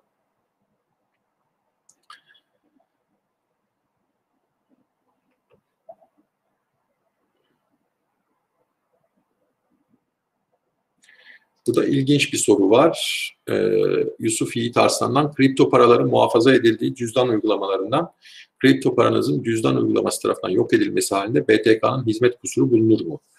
Ben olmayacağını düşünüyorum. Açıkçası hani BTK'nın e, cüzdan imal etmek veya ihraç etmek gibi bir görevi de yok. Bildiğim kadarıyla böyle bir faaliyeti de yok.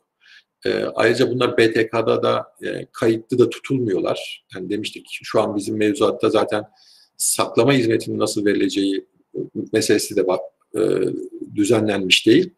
Bir de biliyorsunuz da, dağıtık defter teknolojisini kullanıyor kripto varlıklar.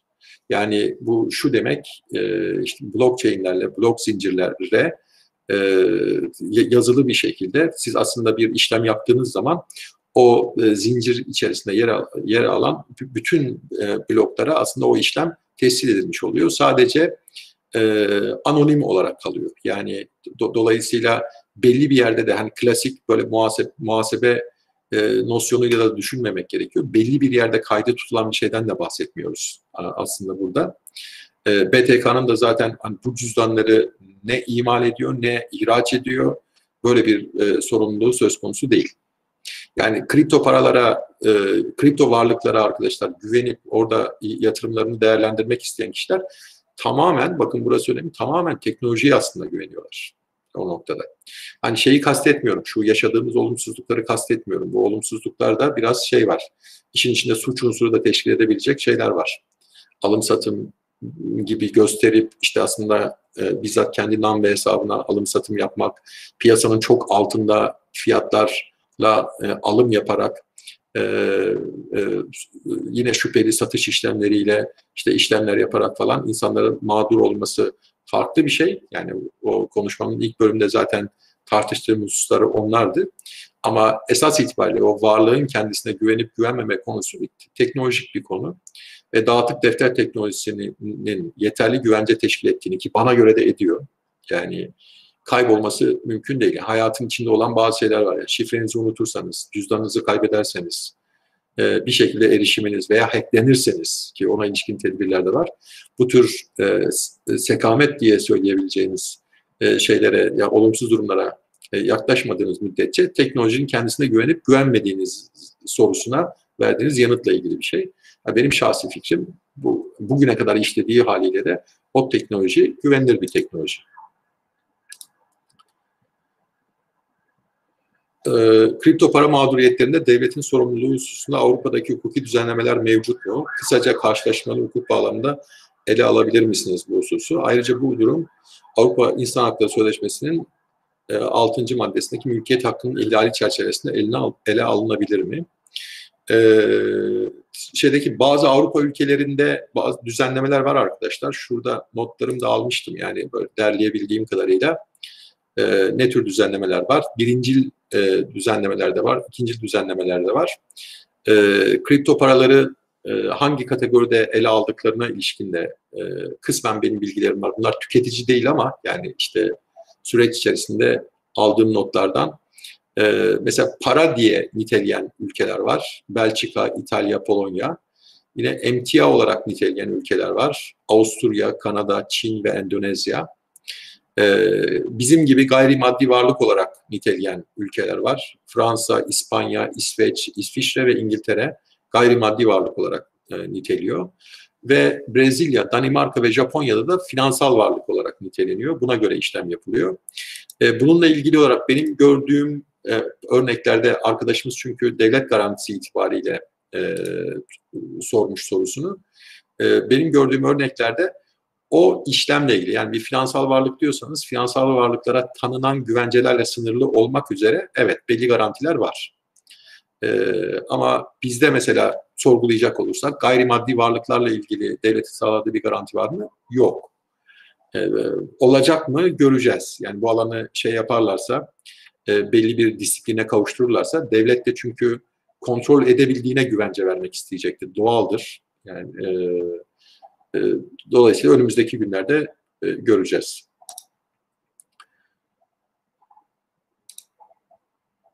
Yurt dışı Taceddin Kalkan'dan bir soru var. Yurt dışı merkezli borsalara kısıtlama getirilip Türkiye'de temsilcilik aşmalarının istenmesi, yani bu sosyal medya hizmet sağlayıcılar örneğinde olduğu gibi tarzında bir yasal düzenleme söz konusu olabilir mi? Olabilir ama hani benim de çok sınırlı bilgim var. Ee, böyle bir şey düşünülmüyor. Çünkü bunu bunu önlemeniz de çok zor arkadaşlar. Yani mesela soğuk cüzdan teknolojisiyle e, şeyleri bu kripto paraları edindiğiniz noktada e, in, e, herhangi bir şekilde bir internet bağlantısı olduğunda yani canlı hale getirip o cüzdanı sonuçta işlemi gerçekleştirebiliyorsunuz. Sonrasında da kapatıyorsunuz. İnternet bağlantınızı da gidermiş oluyorsunuz.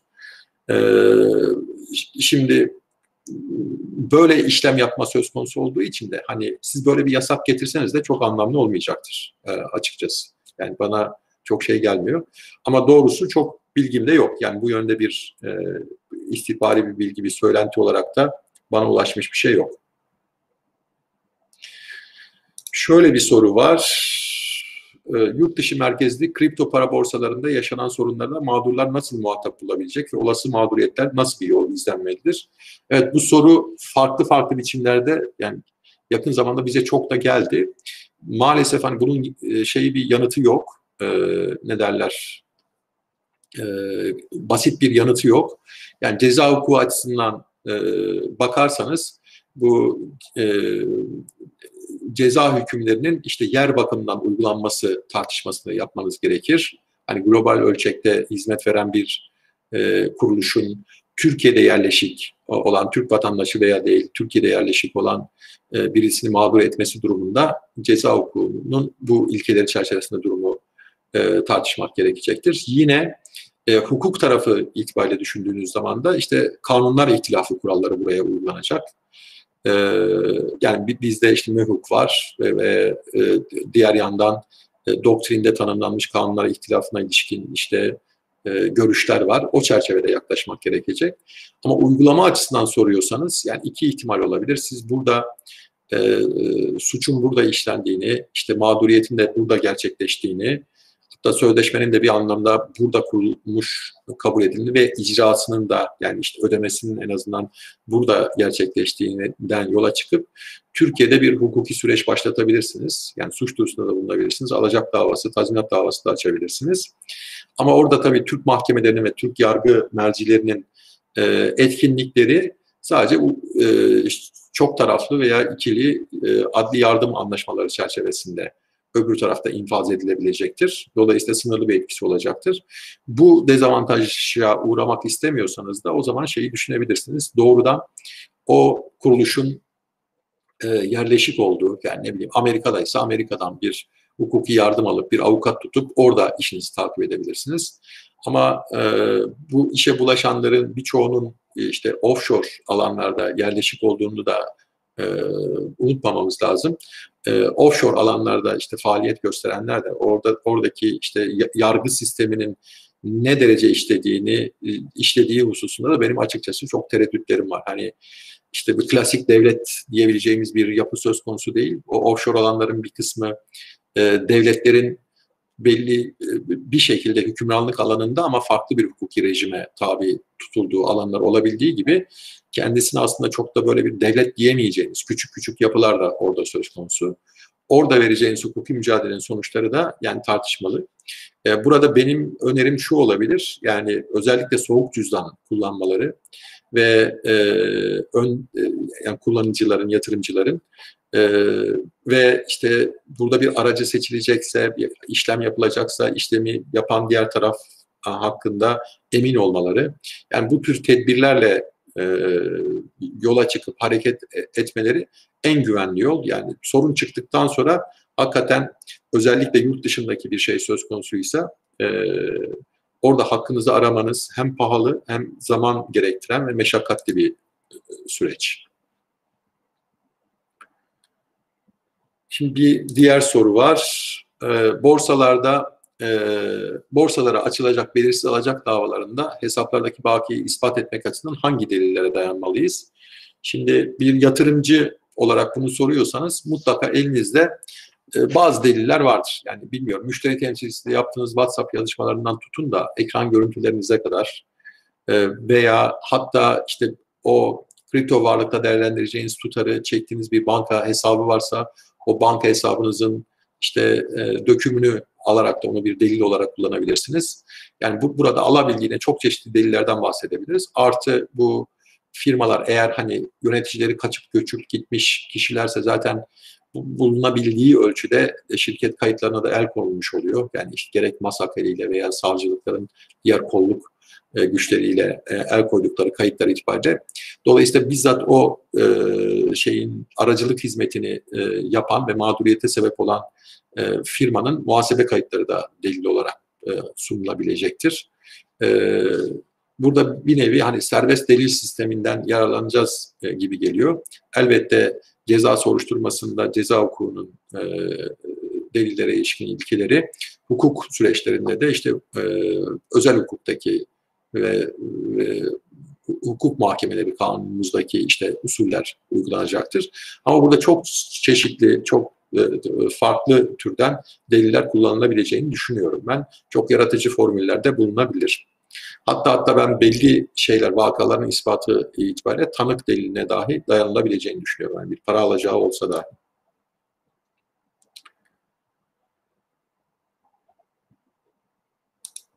Evet. Bir, şöyle bir soru var arkadaşlar. Aybegüm konuk Can Polat tarafından. Elon Musk'ın yaptıkları spekülasyon mu?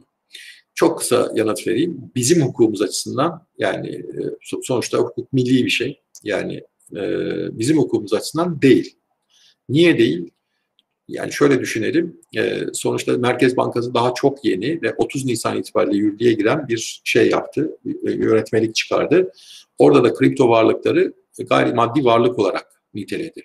Yani bir sermaye piyasası aracı değil. Yani burada bir menkul kıymetten bahsetmiyoruz, bir hisse senedinden bahsetmiyoruz. Sermaye piyasasında dolaşıma konmuş bir araçtan, bir yatırım aracından bahsetmiyoruz. Öyle olsa bizim sermaye piyasası kanunu devreye girer. Elon Musk bu beyanı işte Bolivya'da da yapsa, Meksika'da da veya Kanada'da da yapsa e, değişen bir şey olmazdı. Yani buraya dönük bir spekülasyondan bahsedecek olsaydık e, oradaki ceza hükümleri, yaptırımların uygulanması düşünülebilir, soruşturma açılabilirdi.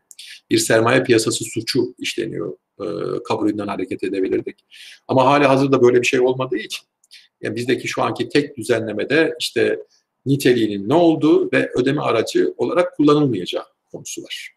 Dolayısıyla da Elon Musk'ın bir sözüyle piyasalarda işte fiyatların dalgalanması vesaire de karşılığı yani bir e, suç teşkil etmiyor. Biliyorsunuz suçta ve cezada kanunilik ilkesi vardır. Bir şeye suç diyebilmeniz için mutlaka kanunla düzenlenmesi gerekir. Böyle bir şey söz konusu olmadığı için de Elon Musk hiçbir yaptırıma uğramadan istediğini söyleyebilecektir.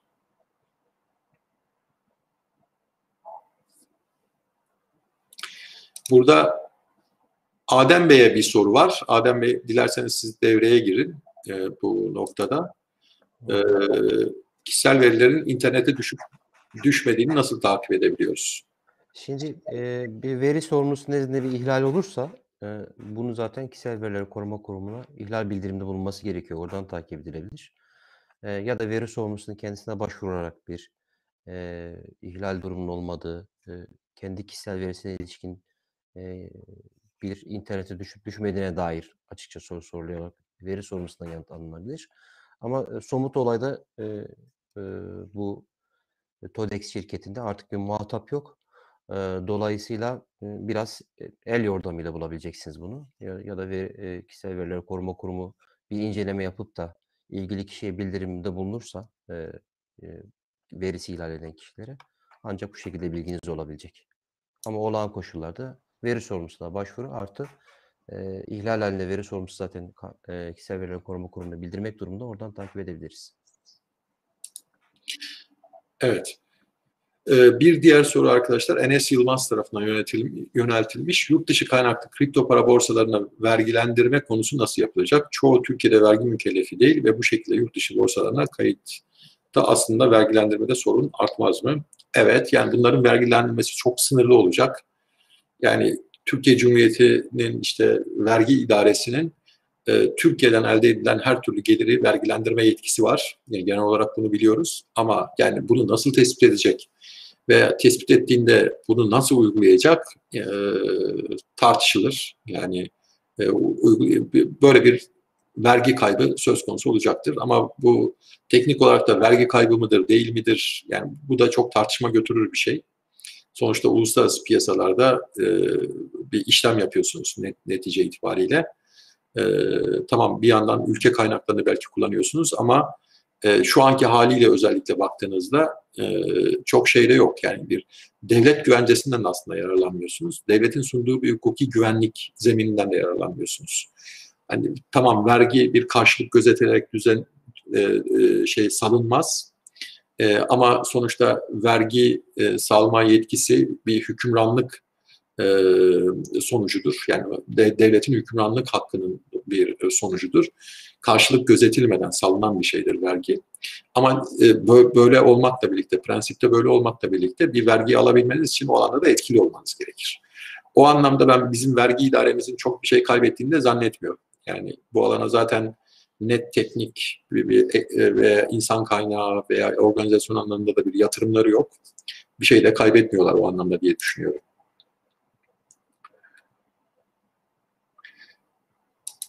Şöyle bir soru var arkadaşlar. İrem Turan sormuş. Son yaşanan mağduriyet özelinde bir alacak davasını mı yoksa takip yolunu mu önerirsiniz? Duruma göre değişir arkadaşlar. Yani ben e, şunu öneririm. Bir öncelikle ihtiyati haciz talebiyle e, bir mahkemeye başvurup seri bir şekilde yani elinizde var olan ne kadar delil varsa işte gerekli teminatları da göstererek ihtiyati haciz kararı almanızı e, öneririm.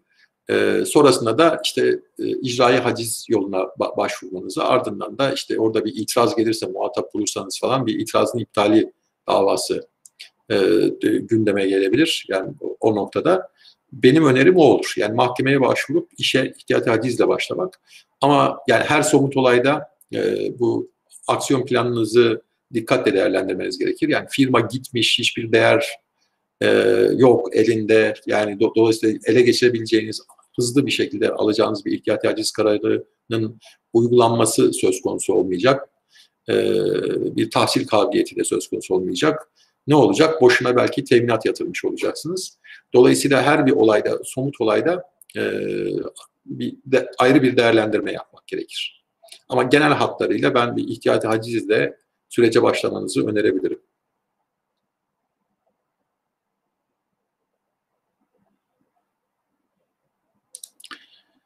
Şöyle bir soru var. Doğru anladım mı acaba? Yine İrem Turan. Asli hukuk, tüketici vesaire çok kafa karıştırıcı meseleler alacak davası açısından da regülasyon bir süre daha gelmeyecek gibi duruyor. Öneriniz ne olur? Yo, aslında bilmiyorum ne kadar sürede yeni regülasyonlar gelir arkadaşlar ama e, yapılmaya başlandı ve arkası da gelecek. Belki bu yılın sonuna kadar e, birinci ve ikinci e, mevzuatımız bu konuda olacak. E, olduğu zaman da onun şöyle bir etkisi olacak. Mesela bir tartışma vardı. Bir ilk derece mahkemesi karar vermişti.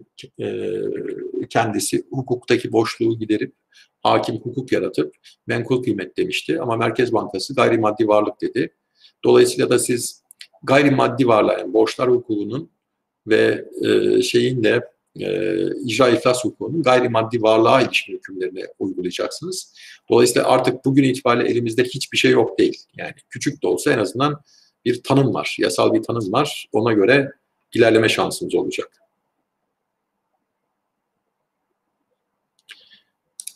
Şöyle bir soru var arkadaşlar. Yabancılar için bir kısıtlama olur mu? Mesela mesela banka üzerinden kripto borsalarına para yatırma ve çekme vesaire gibi. Şu an itibariyle böyle bir şey yok ama ileride olabilir mi bilemiyoruz yani olaylar nasıl gelişir e, o noktada. Şu an itibariyle yok. Yani şu an siz Türkiye'deki e, e, para havale işte EFT talimatlarınızı tamamen finansal mekanizmalar içerisinden ve o alanda e, mevcut olan yasal mevzuat çerçevesinde yapıyorsunuz. Yani neyi kastediyorum? Şunu kastediyorum.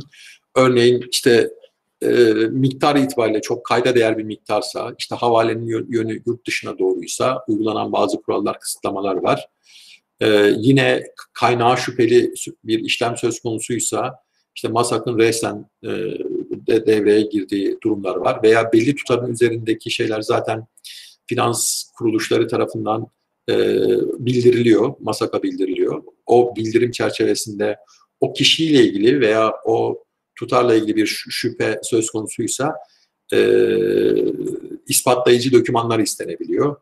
E, hatta işte siz dokümanları verdikten sonra hala muğlak görünüyorsa e, durum bazen sizden taahhütler alıyorlar. Yani biz mesela hukuk bürosu olarak ya, yurt dışından bir para geldiğinde ben hatırlıyorum defalarca imzalamışımdır. Bu para şunun için geliyor, şu amaçla geliyor, başka bir amaçla kullanılmayacak vesaire gibi imzalar atıyoruz aynı mekanizmalar uygulanacak. Ama kripto paralara yatırıma yönlendirilecek paralarla ilgili özel bir durum şu an yok. O genel kurallara uygulanıyor.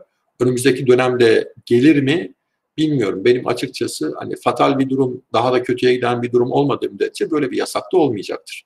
Çünkü ben şuna da inanıyorum. Yani bizdeki kamu maliyesinin de bunun ihmal edilmeyecek bir alan olduğunun farkında. Ha, tartışabiliriz gayrimaddi varlık yerine işte para mı demeliydi, yok emtia mı demeliydi, finansal varlık mı demeliydi bunu tartışabiliriz ama artık o alana belli bir önem atfettiklerini gö- görebiliyoruz. Yanıtlamayacağım ama soruyu yansıtayım. Gözde Okyay demiş, e, yatırım tavsiyeniz var mı diye. Yok. Hani bakmayın biz yani kripto paralarla ilgili konuşuyoruz burada ama biz işin hukuk tarafındayız arkadaşlar. O piyasaları da bilen, fiyat hareketlerini bilen, işte böyle nasıl söyleyeyim e, hangi coinlerin daha şey karlı olabileceğini veya, veya altcoinlerin karlı olabileceğini de bilen insanlar değil. Ben değilim. Adem Bey'in de olduğunu zannetmiyorum. Bunu da bir latife olarak almış olalım bu soruyu da. Bazı tekrar niteliğinde sorular var arkadaşlar. Onları atlıyorum.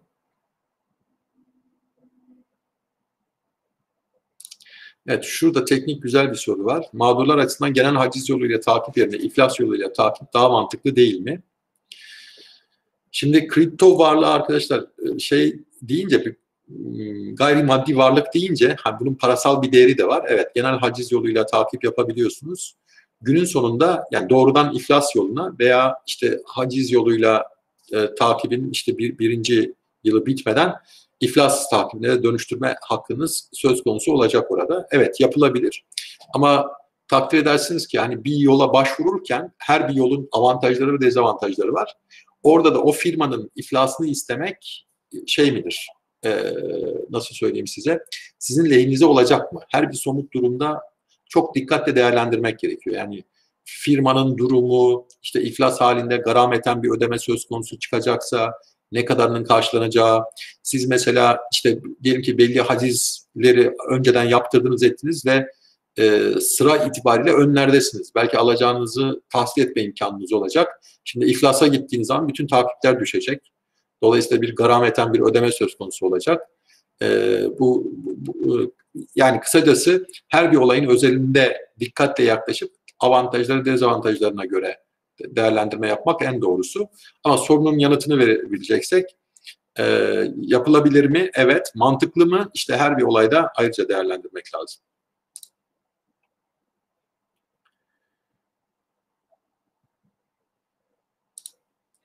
Şöyle bir soru var arkadaşlar. Kripto varlıklara yapılan yatırımlar sonucu mal varlığındaki artış sizce gelir vergisi kanunu açısından hangi gelir unsuruna girer? Bu var zaten arkadaşlar. Sair e, e, gelirler başlığı altında, gelirler vergisi kanununda ve o sair gelirlerin açılımına baktığınızda da orada gayrimaddi varlıklar da sayılıyor zaten. Dolayısıyla aslında e, bugün tartışmamız gereken kripto varlıkların vergiye konu olup olmadığı değil, yani Merkez Bankası'nın nitelemesiyle birlikte gayrimaddi varlık olarak e, tanımlandı. Dolayısıyla gayrimaddi varlıkların değer artışından da bir vergi ödenmesi gerekiyor.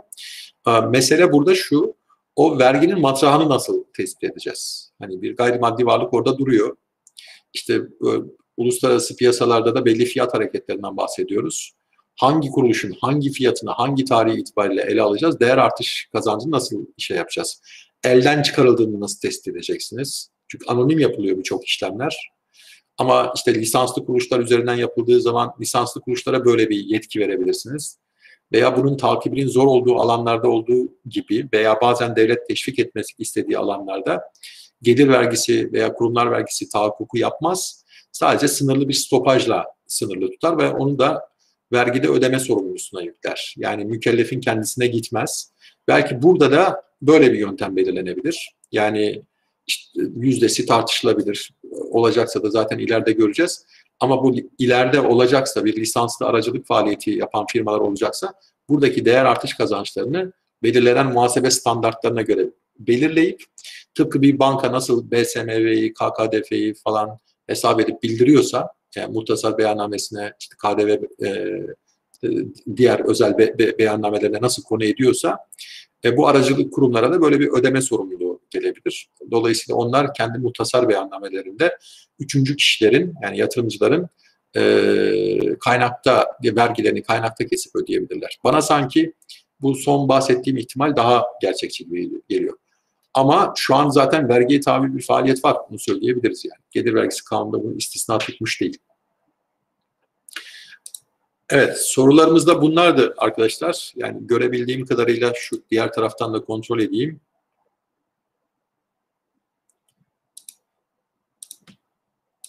Evet, başka sorumuz da yok. Ee, umarım yani bu söyleşi yararlı oldu. Yani e, sorularıyla da katkı sunan arkadaşlara da çok teşekkür ediyorum. E, bu ve benzer e, böyle online buluşmaları, webinarları biz e, tekrar edeceğiz. Yani hakikaten teknolojinin nimetlerinden de yararlanmak lazım. Biz de zenginleşiyoruz. Yani kendimizi diri tutuyoruz. Kendi sosyal çevremize, işte müvekkillerimize e, de e, ve daha geniş anlamda toplum içinde bulunduğumuz toplumumuza da fayda sağlayabiliriz bildiğimiz ölçüde de mutlu oluyoruz. Bugün de güzel bir söyleşi oldu. Ben katılan, izleyen herkese çok teşekkür ederim. Adem Bey. Ben de çok teşekkür ederim herkese. Ee, iyi günler diliyorum, iyi haftalar. İyi günler. İyi günler arkadaşlar.